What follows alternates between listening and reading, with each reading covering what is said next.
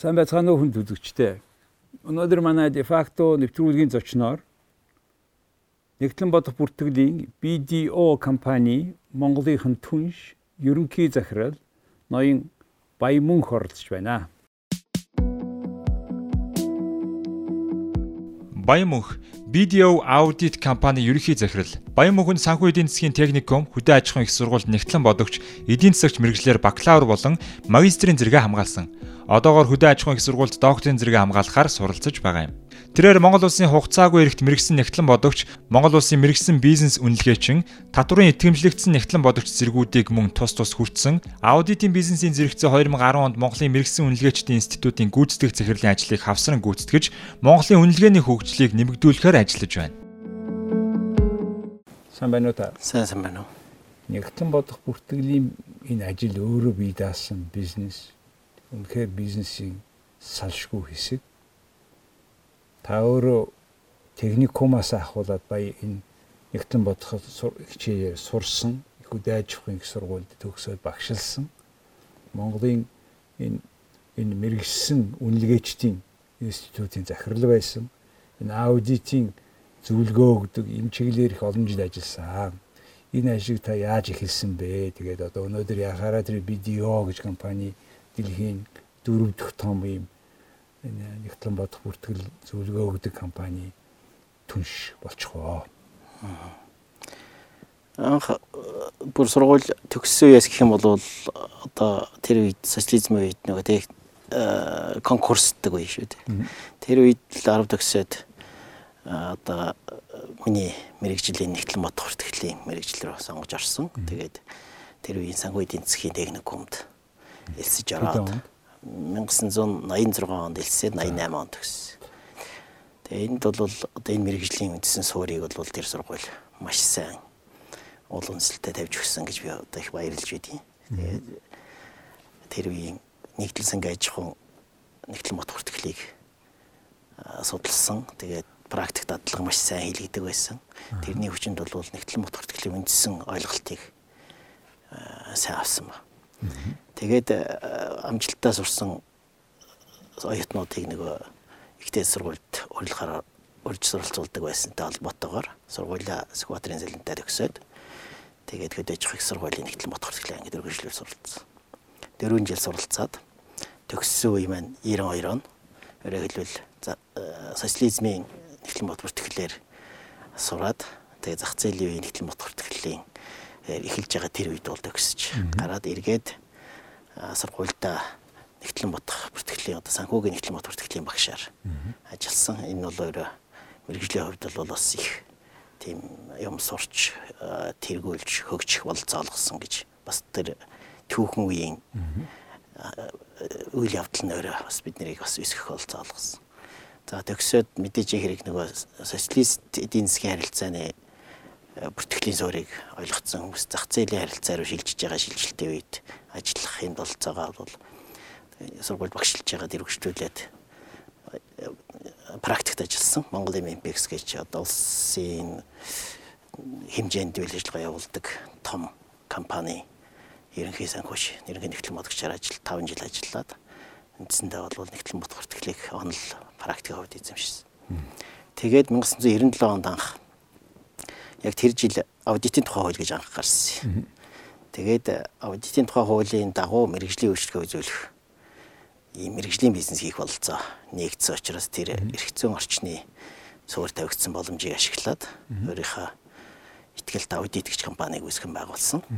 Ихтгэлт аудит компани дотоодын аудитын зах зээл дээр тэргүүлэх хэмжээний компани болгож хөгжүүлээд 2012 онд энэ видео олон улсын сүлжээ одоо дэлхийн 5 дахь том сүлжээ. Аа дэлхийн одоогор бол дэлхийн 160 гаруй улсад гишүүн бүсүүдээрээ дамжуулж мэрэгжлийн бизнес эрхэлдэг.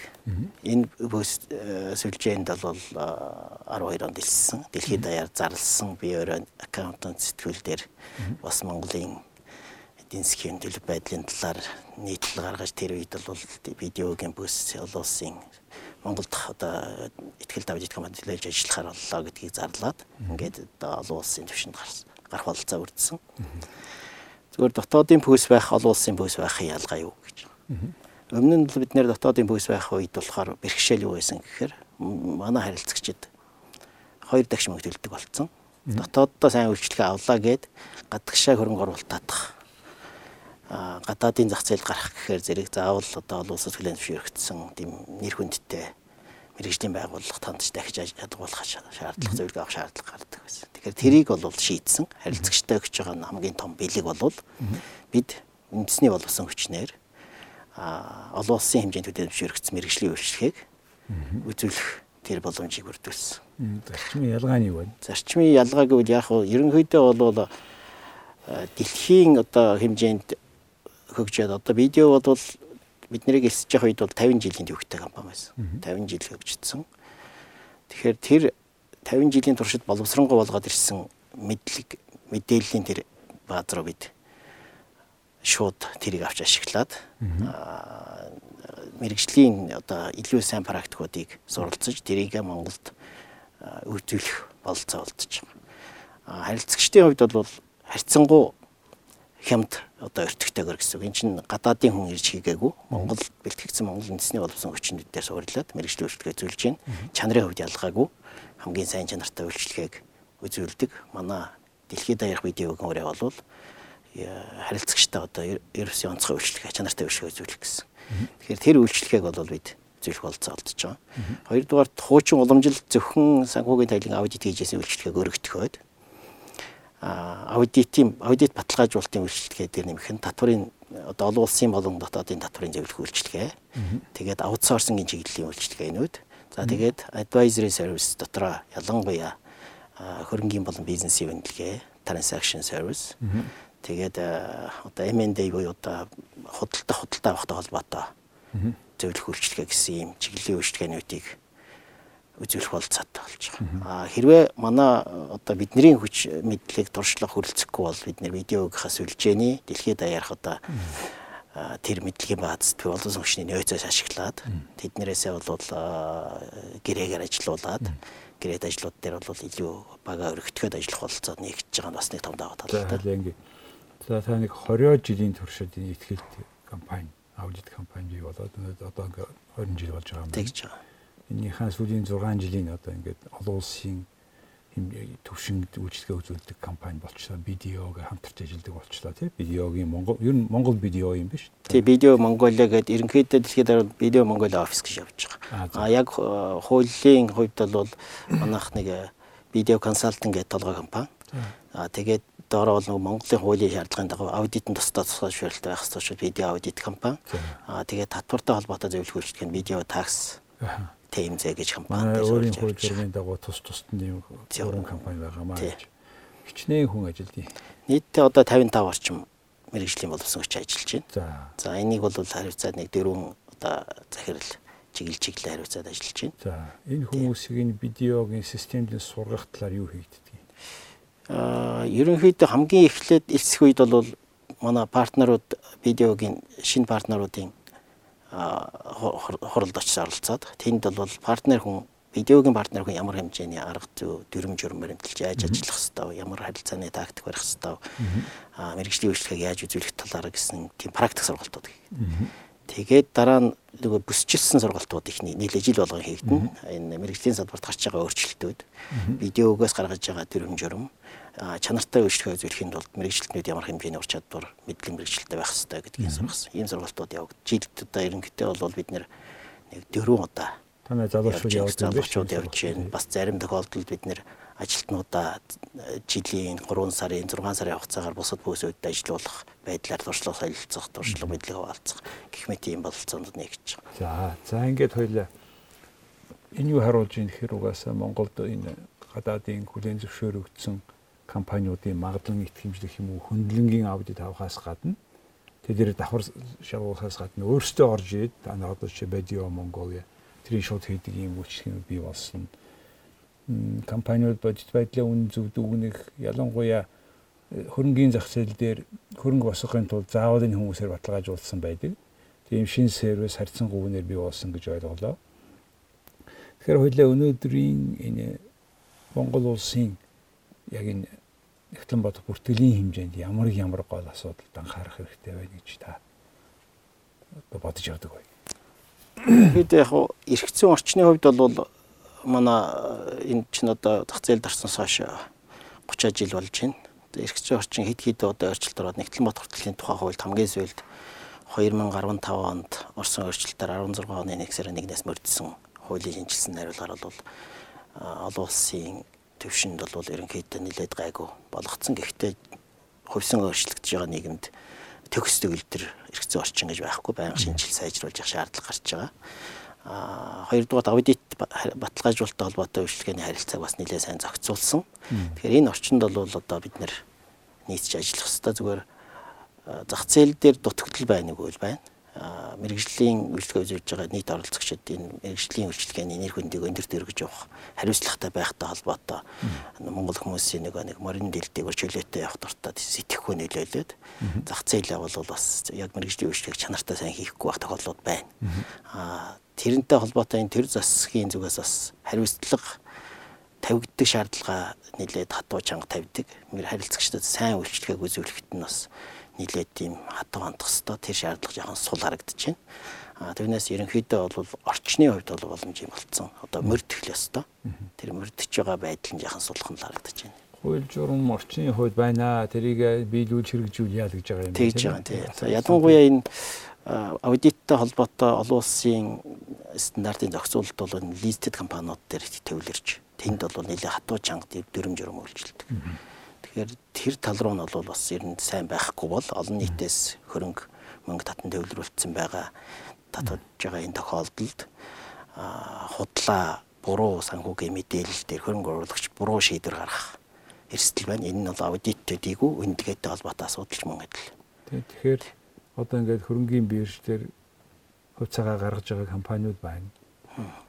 Тэднэрс одоо ингээд гаргаж байгаа олон нийт мэдээлж байгаа нь аудитын компани мэдээлэл байгаа шүү. Тэгэхээр Монголын хөрөнгийн биржид гарч байгаа компаниудын санхүүгийнх нь тэр тайланг яг тим компаниар олон улсынхаар ч юм уу эсвэл ингэсэн байх хэрэгтэй гэсэн тийм шаардлага байдгүй. Зүгээр зохицуулах хорооны хувьд бол өөрснөө одоо тусгай зөвшөөрөлтэй компаниудаас тодорхой шалгуур материал бүрдүүлээд сургалт семинар зохион байгуулад шорт лист гаргаж байгаа. Тэрийг санхүүгийн зохицуулах хорооны вебсайтаар байршуулж. Энэ дотор бол зохицуулах хорооны зохицуулалтаа аж ахуй нэгж дээр хэлбэл Виндцаас гаргаж байгаа болон Виндцаасны зах зээл дээр үйл ажиллагаа явуулж байгаа компаниудад аудит аудит хийвэл хийх компаниуд гэж жагсаалт гаргачих. Дээр нь үнэлгээтэй холбоотой бас тийм жагсаалт гаргачих. Үнэлгээний ийм ийм байгууллагуудаас сонгож болно гэдэг. Мөн хуульчдыг ерөөд мэрэгжлийн үйлчлэгээ зөвлөж авах уран талыг бол бүртгэж байгаа. Тэрний сургалтуудыг бол жил болгон зүйн энэ засны зах зээлийн зохицуулалтын орчинд орж байгаа өөрчлөлтүүд анхаарах асуудлуудаараа сургалтууд зохион байгуулалт явуулж байгаа. Аа зүгээр хөрөнгөний бирж дээр одоохондоо бараа их ховор байгаа тий. Аа зүгээр энэ жил бол харьцангуй идэвхтэй болох хандлага харагдаж байна. Аа тэгэхээр идэвхтэй болох сайн хэрэг ч гэсэн тэнд байгаа мэдээлэл үнэн зөв найдвартай байх нь маш чухал. Тэгэхээр тэр мэдээлэл ямар байхаас хамаарч байна уу? Эсвэл юунаас хамаарч байна? хувьцаагаа анх удаа гаргаж байгаа компаниудын хувьцаа огцон өсөд буурч байна. Тийм манай энэ дээр энэ үнийг та яаж хард юм бэ? Тэгэхээр хоёр янзын байх шиг байна. Нэг талаасаа бол хувьцаанд тоглох гэж байгаа хөрөнгө оруулагчид байна шүү дээ олон нийт. Хувьцаа аваад нэг хэсгний аваад өсөлт гарангууд нь зарах сонирхолтой ороод байгаа шиг байна. Нөгөө нэг хэсэг нь бол урт хугацаанд тэр компани өсөлтөөс өгөөж хүртэх гэж сонирхоод байгаа шиг байна. А ерөнхийдөө бол альж тохиолдолд байлаа гэсэн. Гаргаж байгаа компаниудын санхүүгийн байдал цэвэр тунгалаг үнэлгээ нь уул үндэслэлтэй тогтоогдсон байх нь их чухал. а зүгээр үнэлгээний хувьд бол мэрэгжлийн байр сууриас хандлага нь болохоор зэрэг тэр бизнесийн өнөөгийн байдал болон ирээдүйн төсөөлж байгаа төсөөлөл дээр нь суурлаад өнөөдөр энэ компани ямар үнцэнтэй байж болох вэ гэдгийг таамагласан тийм бизнес үнэлгээ хийгддэг. Аа яг хувьцаа гаргаж явах үед нь ямар хэмжээний хөрөнгөтэй байна вэ? Тэр хөрөнгүүдийнхэн үнцэн өнөөгийн яг өнөөдрийн байдлаар зах зээлийн үнцнийг илэрхийлж чадж гинэ үгүй гэдэгт хөрөнгөний үнэлгээ гэсэн юм хоёр төрлийн үнэлгээний үйлчлэгээ хийгдэж байгаа. Аа аудит нь бол яг одоо өнгөрсөн 3 жил, сүүлийн 3 жил гэсэн үг шүү дээ. Сүүлийн 3 жилийн санхүүгийн тайлан үн зөв бэлтгэж үгүй юу холбогдох стандартын дагуу байна уу гэдэг дээр аудитын төгөлт гарч байгаа юм. Тэгэхээр нөгөө манайх болохоор зүйн зохицуулалтын хувьд санхүүгийн тайлагналын энэ listed компани дээр бол санхүүгийн тайлагнал олуулсан стандартыг шууд дагах үүрэг хүлээчихсэн. Хуулиараа тогтоогоод өгсөн. Аа стандарт маань англи хэл дээр гардаг. Манай улсын үндэсний хэл монгол хэл. Тэгэхээр энэ дээр нэг зүгээр нийт одоо мэрэгжлийн оролцогчдын хувьд бэрхшээл болон нэгтлэн бодогч нарын хувьд ч гэсэн бэрхшээлний үг гэхээр нөгөө гадаад хэл дээрх тэр стандартыг зөв ойлгоод аа даган мордолт нь юу байна уугүй гэдэгтийг л гаргаж чадчихна уугүй гэдэг асуудал гарч ирнэ. Яагаад тэгэхээр энэ нийгэм э, улс олон улсын хэмжээнд галавачтай өөрчлөгдөж байгаа холбоотой стандартууд нэлээд их өөрчлөлтүүд ордог жил болгон. Аа тэр орсон орсон өөрчлөлтийг зөв ойлгож Гэхдээ нэг ийм өөрчлөлт орлоо шүү санхүүгийн зохицуулах хорооноос бүгдээр нь мэдэгддэггүй юм уу? Ер нь бол мэдээлэл хийж байгаа мэрэгжлийн байгууллагууд Монголын мэрэгсэн нэгтгэл модогчдын институт, сангийн яам, зохицуулах хороогийн хамтраад өөрчлөлт автайд хийдгэлдэг. Гэхдээ тэр чинь том бичиг баримт гарна. Өөрчлөлтүүдээр бол бүгдээр ингэ өөрчилж байгаа биш нэг 4 5% өөрчлөгдөдөг юм байгаа биз анхдагчийг орчуулсан монгол хэл дээр тийм юм байд юм. Бага. Институт бол орчуулаа явж байгаа. Орчуулаа гаргаад ор дор нь хийгдээ. Гэхдээ тэр чинь орчуулах процесс бол бас нэлээд хугацаа авдаг л да. Жохон хоцрох хандлага бий. Энэ ер нь санхүү манай улсад хичнээн хэмжээний аудит одоо компани байдгийг хүмүүс байдгийг энэ хангалттай юм уу үгүй юм уу энэ тухай та яаж харж Ер нь бол зах зээл дээр аудитын компаниг 140-д компани байна. За. Аа тэр компаниуд нэг 1000 орчим хүмүүс ажиллаж байгаа гэсэн мэрэгжлийн харин байгаа. За энэ бол зүгээр яг заавал аудит хийх шаардлагатай компаниудад бол хангалттай тоон үзүүлэлт байгаа. Аа яг чанартай сайн үйлчлэхийг бүгд үзүүлээд явж чадвал өөр асуудал болоо явчихж байгаа. За тэгээ та хоёр сая их чухал юу хөндөж ин л альва нэгэн компани хувьцаа гаргахдаа зах зээлийн үнэлгээнээс хит дээгүүр хувьцаа гаргах юм бол цочмог аваа тэгээд алга болчихно тийм үү? хэрвээ зах зээлийн үнээс хэд доогуур гарах юм бол бүгэн худалдаж аваад бас эрчимтэй худалдаж аваад тийм ээ. Тэгэхээр яг энэтэй холбоотой өнөөдөр бидний өмнө тулгараад байгаа одоо орон даяараа ярилцаад хуваалцаад эсвэл талцаад байгаа нэг асуудал бол Эрдэнэс 5 толгой компаниг төр засаг одоо ингээд тэр хүн болгонд чинь нэг 1072 хувьцаа өглөө шүү дээ.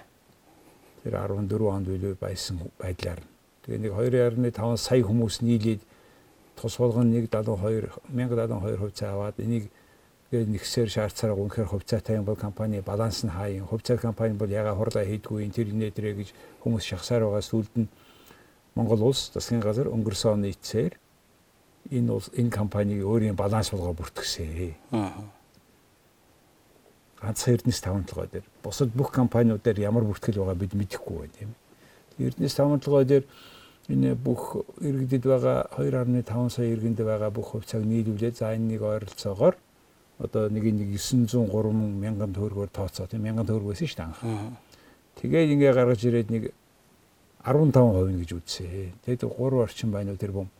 Юу л тэр чинь нэг за ер нь бол иргэд 15% нь үлдсэн улс эзэмшдэгээд хэрвээ энийг нэг хувьцаагаа ингэ тооцох юм бол ер нь энэ компани компани юу актив нь нийт хөрөнгө нэг 11 тэрбум доллар байх ёстой гэж бичиж тавьчихсан.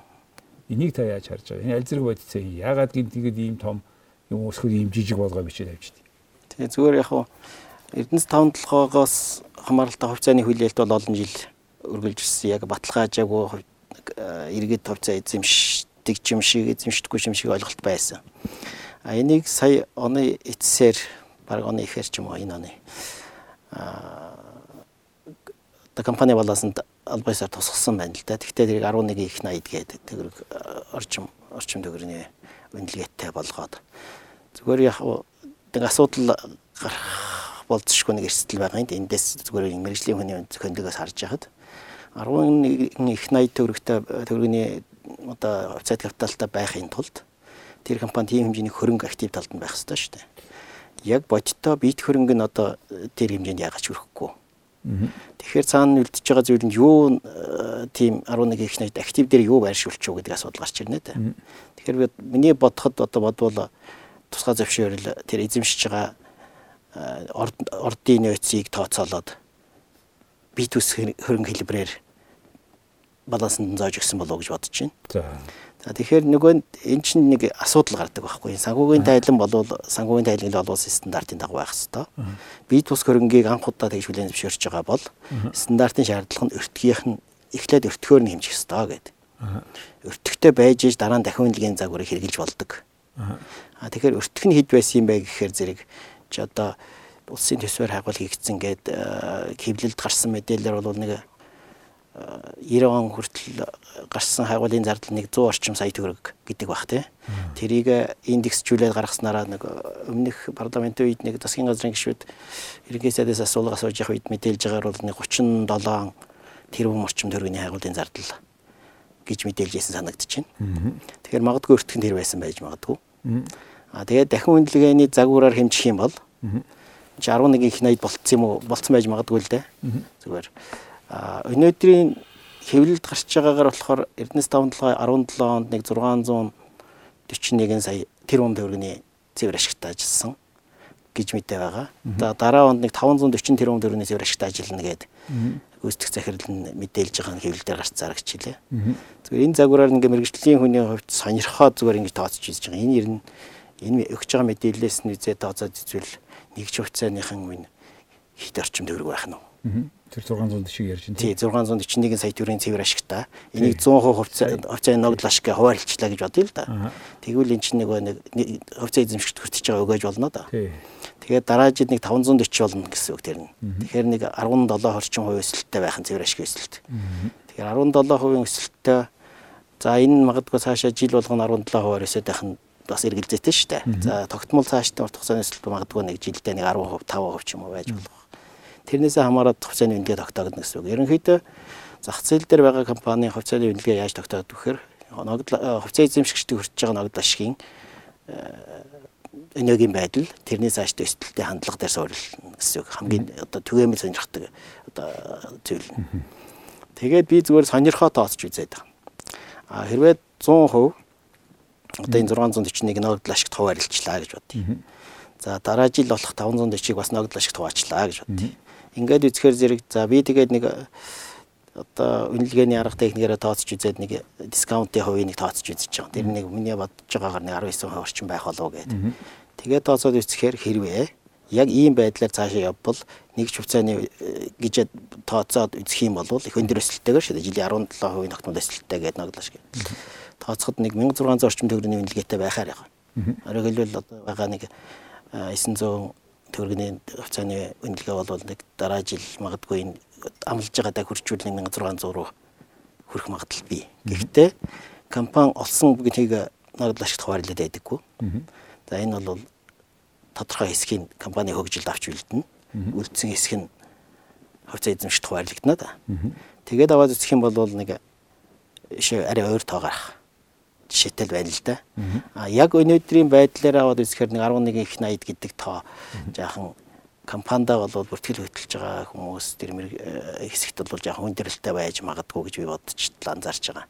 Яг тэр жил болгон тэр 11 их 80 хэмжээний хөрөнгө чинь хэрвээ үнэлгээнд буурчвал алдагдал гараад ирнэ шүү дээ. Нэг үнцний бууралтаас болоод тэгэхээр урьдчилаад ийм өндөр дүнгээр нэрлсэн үнэ тогтоогоод санхүүгийн тайланд тусахчаар эргээд компанийн санхүүгийн тайлгийн доктортой байдлыг алдагдуулах хэрэгсэл байдаг байхгүй юу. Үнцний бууралт гэдэг чинь бид бусаар үртгэгдсэн 11 их 80 орчим төгрөгнөөс магадгүй 5 их 80-ийн алдагдал гарахыг хийн үгүйсэх үү. Та тэгэхээр нэг хувьцааных нь ногдол ашиг ингээд өгөх юма гэж бодсон тэр талаасаа тооцоогоор энэ гарч ирж байна тийм ээ. За нөгөө нэг цуур байж болох юм бол 11 их 80 төгрөг гэдэг бол ойролцоогоор нэг 5 тэрбум Америк долларын одоо хэмжээний мөнгө тийм ээ. Тэгэхээр за 5 тэрбум Америк долларын хөрөнгөө гэж бодсон бол нөөц талаасаа үзэхэд энэ жишээ одоо өнөөдрийн үнэлгээгээр ч юм уу нөөц талаас ийм хэмжээний мөнгө таваар 5 тэрбум мөнгө гарах ёстой байж тээ. Яг ер нь нарийн тоосчиж гарна л да. Одоо эн чинь нийт 5 толгойн урд газрын нөөц бол 6.4 тэрбум тонн гэж ярьдаг тий. Одоо тэрнийг сая өгч байгаа мэдээгээр доллараар хэд болцсон байх шиг байна лээ. Тамгас нөттөг нийлээд. Тэгээ ихээр энэ бол том орд. За Монгол улс чинь нэгдээ нэг 150 тэрбум тонны нүүрсийн нөөцтэй гэдэг баг тий. Тэрнтэй харьцуулахад бол яг бүлэг ордынхаа хувьд бол их том орд гэж үзэж байгаа. Зүгээр энэ дээр одоо уурхаан нийт нөөцийг ашиглах бүх хугацааныхан таамагласан мөнгө урсгал гаргаад тэгээ тэрийг өнөөгийн үнцийн шилжүүлэхэд ийм төлөвлөгөөнийг гаргах магадлал байж болно л да. Байхыг үгүйсэх. Ямар ч уурхаагаас 100% авахгүй шүү дээ. Тий. Угаасаа тэр чинь тэгээд уурхаа тэрийг олохын тулд гардаг зардал нөхөн сэргээлтийн зардал, хаалтын зардал гэдэг бүгдийг тооцож улам үнэтэй болдог. Тийм доошоо үнэийг олох тусмаа гэх мэт. Энэ бүхнийг тооцоод ингээд үзэхэд одоо яг жишээ бариад ярих юм бол одоо хажууд нь Монголын Energy Resource гэж компани байна тийм ээ. Тэр компани өнөөдрийн зах зээлийн үнэлгээ бол харьцангуй их жоохон байна. Тийм. Тэгээ тэрний гол шалтгаан нэг талаасаа нүүрсний үн улсан нөгөө талаасаа энэ компани өөр шир өндөр байна. Тийм. Тэгээ энэтэй холбоотой харьцуулахад бас нэг хэцүү юм байна. Нөгөө тал нь өрн бага харьцангуй өөр учраас. Тийм. Тэр яг ерөнхийдөө Эрдэнэс таван толгойн хувьцааны нь бол одоо нэлээд бага байгаа. Эрдэнэс таван толгой энержи ресурсын хувьцааны одоо MMC-гийн хувьцааны нэлгээ нэг 2-оос 3 цент тавьцаа байгаа бах тий. Тий. Тэгээд тэр чинь төгрөгөөр шилжүүлээ зүйл нэг 70-аас 80 төгрөг байна уу? Тийм болчихж байгаа. Тэрнтэй харьцуулаа харахад бол Эрдэнэс таван толгойн хувьцааны үнэлгээ бол нэлээд өндөр харагдаж байгаа. Аа тэр бас яг л би бол нэг мэрэгжлийн нэгтлэн бот бүртгэлд ирэхэд тусах уу тэрнээс үүсч болох эрсдэл юу байна гэдэг талаас хараад байна л да. Тэгээд аваад үзэхээр зэрэг анх нэрлсэн энэ дэр тогтоох тийм эрсдэлтэй байхгүй юу? Эхлээд их хөрөнгөтэй компани харагдана аа нүүрсний үний хэлбэлцлээс хамаарат бууралд гарвал дандаа гарц гарц хүлээд байх хэрэгсэл байгаа байхгүй. Тэгэхээр тэр талаасаа бол бас тэгтээ нарийн мэдэхгүй байна би. Мэдээлэл сайн. Тэгэхээр энэ бүхний та бүхэн ярьж байгаагийн гол шалтгаан бол монголчууд одоо тэр төр засаг ийм хувьцаатайгээ хийлээд амлчлаа өгчлөө гэж ярьсан.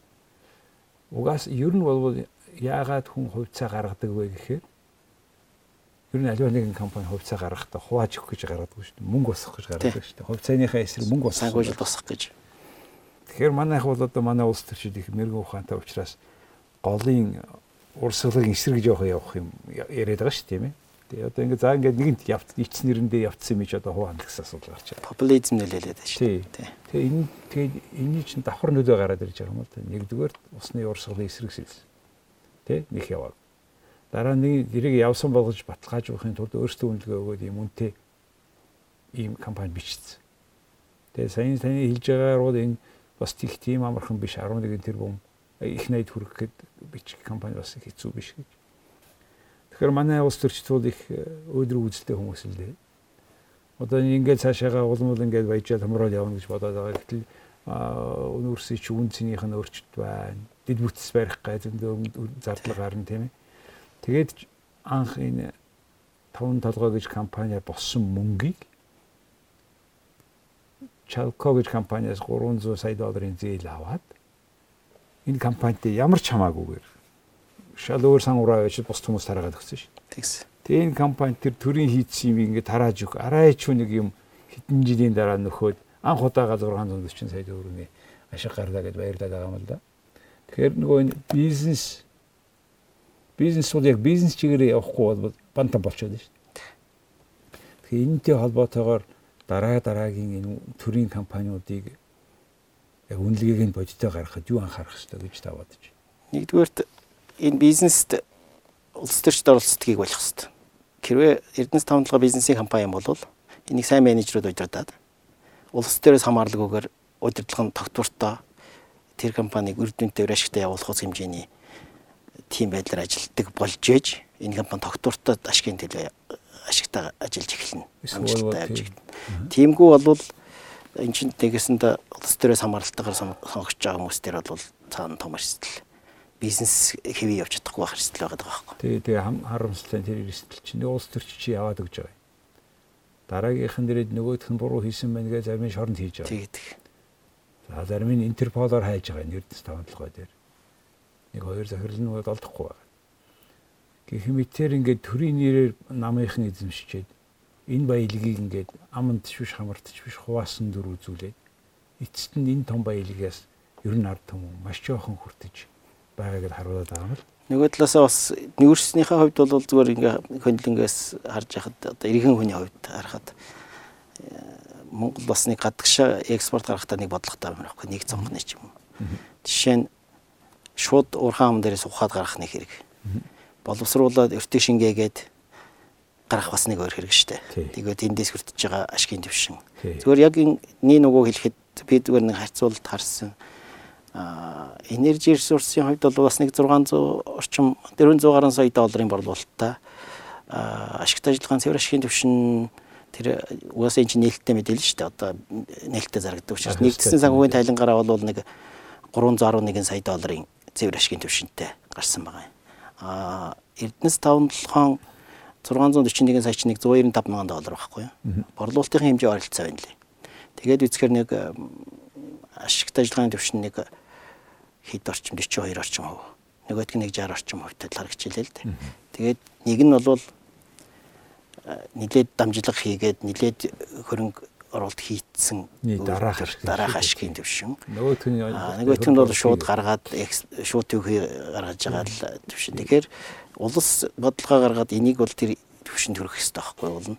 Шууд гаргахаас илүүтэйгээр боловсруулад өртөг шингээгээд нилээд олон оролцогч тэрэн дээрээс дахиад үйлчлэгээ үзүүлж бас нилээ хэсэг аж ахуй нэгж амьдраад тэгээ ажлын байр нь нилээд нэмэгдээд тэрний үр дүн дахиад ийм энэ хэмжээний маржин гарч байгаа бол Монголд Монголын эдийн засгт дэмтэй.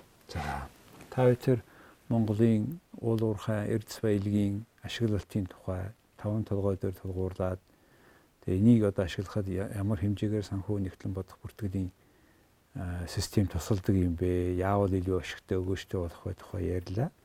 Мэдээж энийг ингээ юм хэд хэм явдлын дотор ярих тийм бүгдээр ингээ хамарч чадахгүй. Гэхдээ хүмүүст бид нэр юм тодорхой бодол өгсөн баг. Тэгэхээр ямар ч гэсэн та танай хамт олон юм олон улсын төвшөнд ажиллаад гадагшаага их хүнтэй гарах Монгол дотроо Монгол мэрэгжтнүүдээ шингээд тэгсэн мөртлөө тэр стандартыг нь бас дэлхийн хүлээн зөвшөөрөхүүцээр ингэж явуулж байгаа талархаж байна амархан ажил биш. Тэгээ та бүхэнд 20 жилийн чаг баярыг хүргэе. Тэгээд амжилт хүсье. Баярлалаа. За хүн төзөгчтэй өнөөдөр манай дефакто нэвтрүүлгийн зочноор олон улсын нэгтлэн будах нэгтлэн нэгтлэн бодох бүртгэлийн BDO компани BDO Монгол компаниг гүйцэтгэх захирал ноён Баямх оролцлоо. Баярлалаа.